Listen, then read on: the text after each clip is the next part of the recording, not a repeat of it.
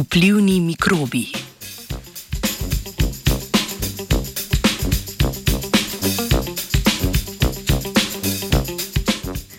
Snovi, ki jih rastlinske korenine izlučajo v zemljo, so pomembne pri interakcijah med rastlino in zemeljskimi mikrobi.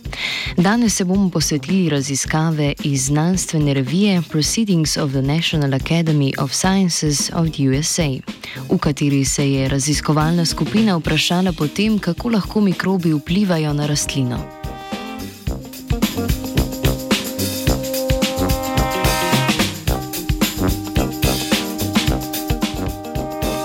Že dolgo vemo, da rastline sodelujejo z mikroorganizmi. Zelo pogosto je naprimer sodelovanje korenin z nitrifikacijskimi bakterijami, ki rastlini olajšajo dostop do dušika. Takšno sodelovanje rastlini omogoča veliko evolucijsko prednost, saj je rastlinam dostopnega dušika v zemlji bolj malo. Vendar pa nitrifikacijske bakterije delujejo zelo lokalno, saj na rastlinski metabolizem vplivajo le na območju korenin.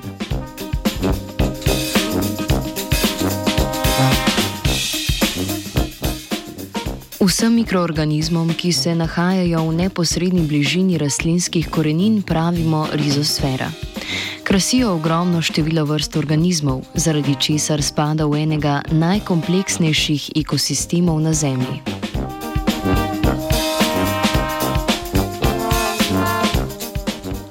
V raziskavi se je znanstvena skupina posvetila koreninam paradižnika. Paradižnik je namreč ena izmed rastlin, ki v zemljo izločajo različne metabolite.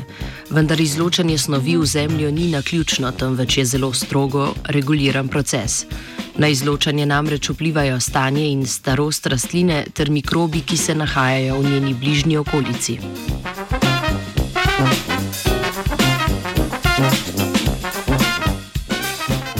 Močan vpliv mikroorganizmov na rastlino so v raziskavi pokazali z eksperimentom, s katerim so korenine paradižnika izpostavili bakteriji Bacillus subtilis.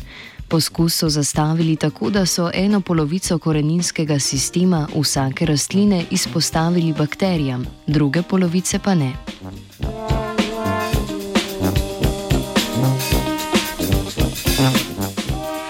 Ko so raziskovalci in raziskovalke polovico koreninskega sistema paradižnika izpostavili bakteriji Bacillus subtilis, je začel paradižnik v zemljo izločati acil sladkorje, kar za to vrsto rastline ni najbolj običajno.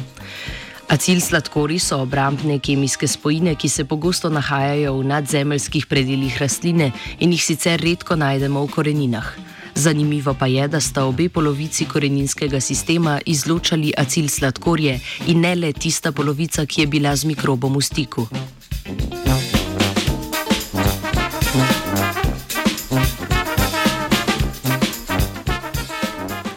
Prisotnostjo mikrobov pa se niso spremenili le izločki korenin v zemljo, saj so bile tudi na preostalih delih rastline vidne spremembe v produkciji različnih metabolitov. Vpliv mikrobov se torej ne pozna le na mestu, kjer so prisotni. Mikrobi namreč celostno vplivajo na signalizacijo v rastlini.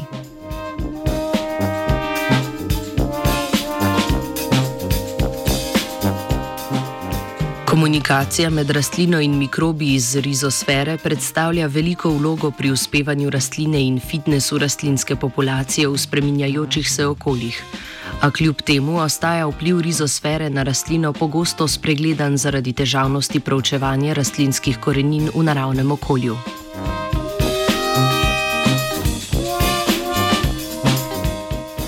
Da bo s pomočjo mikrobov lahko skalila, upa Dora.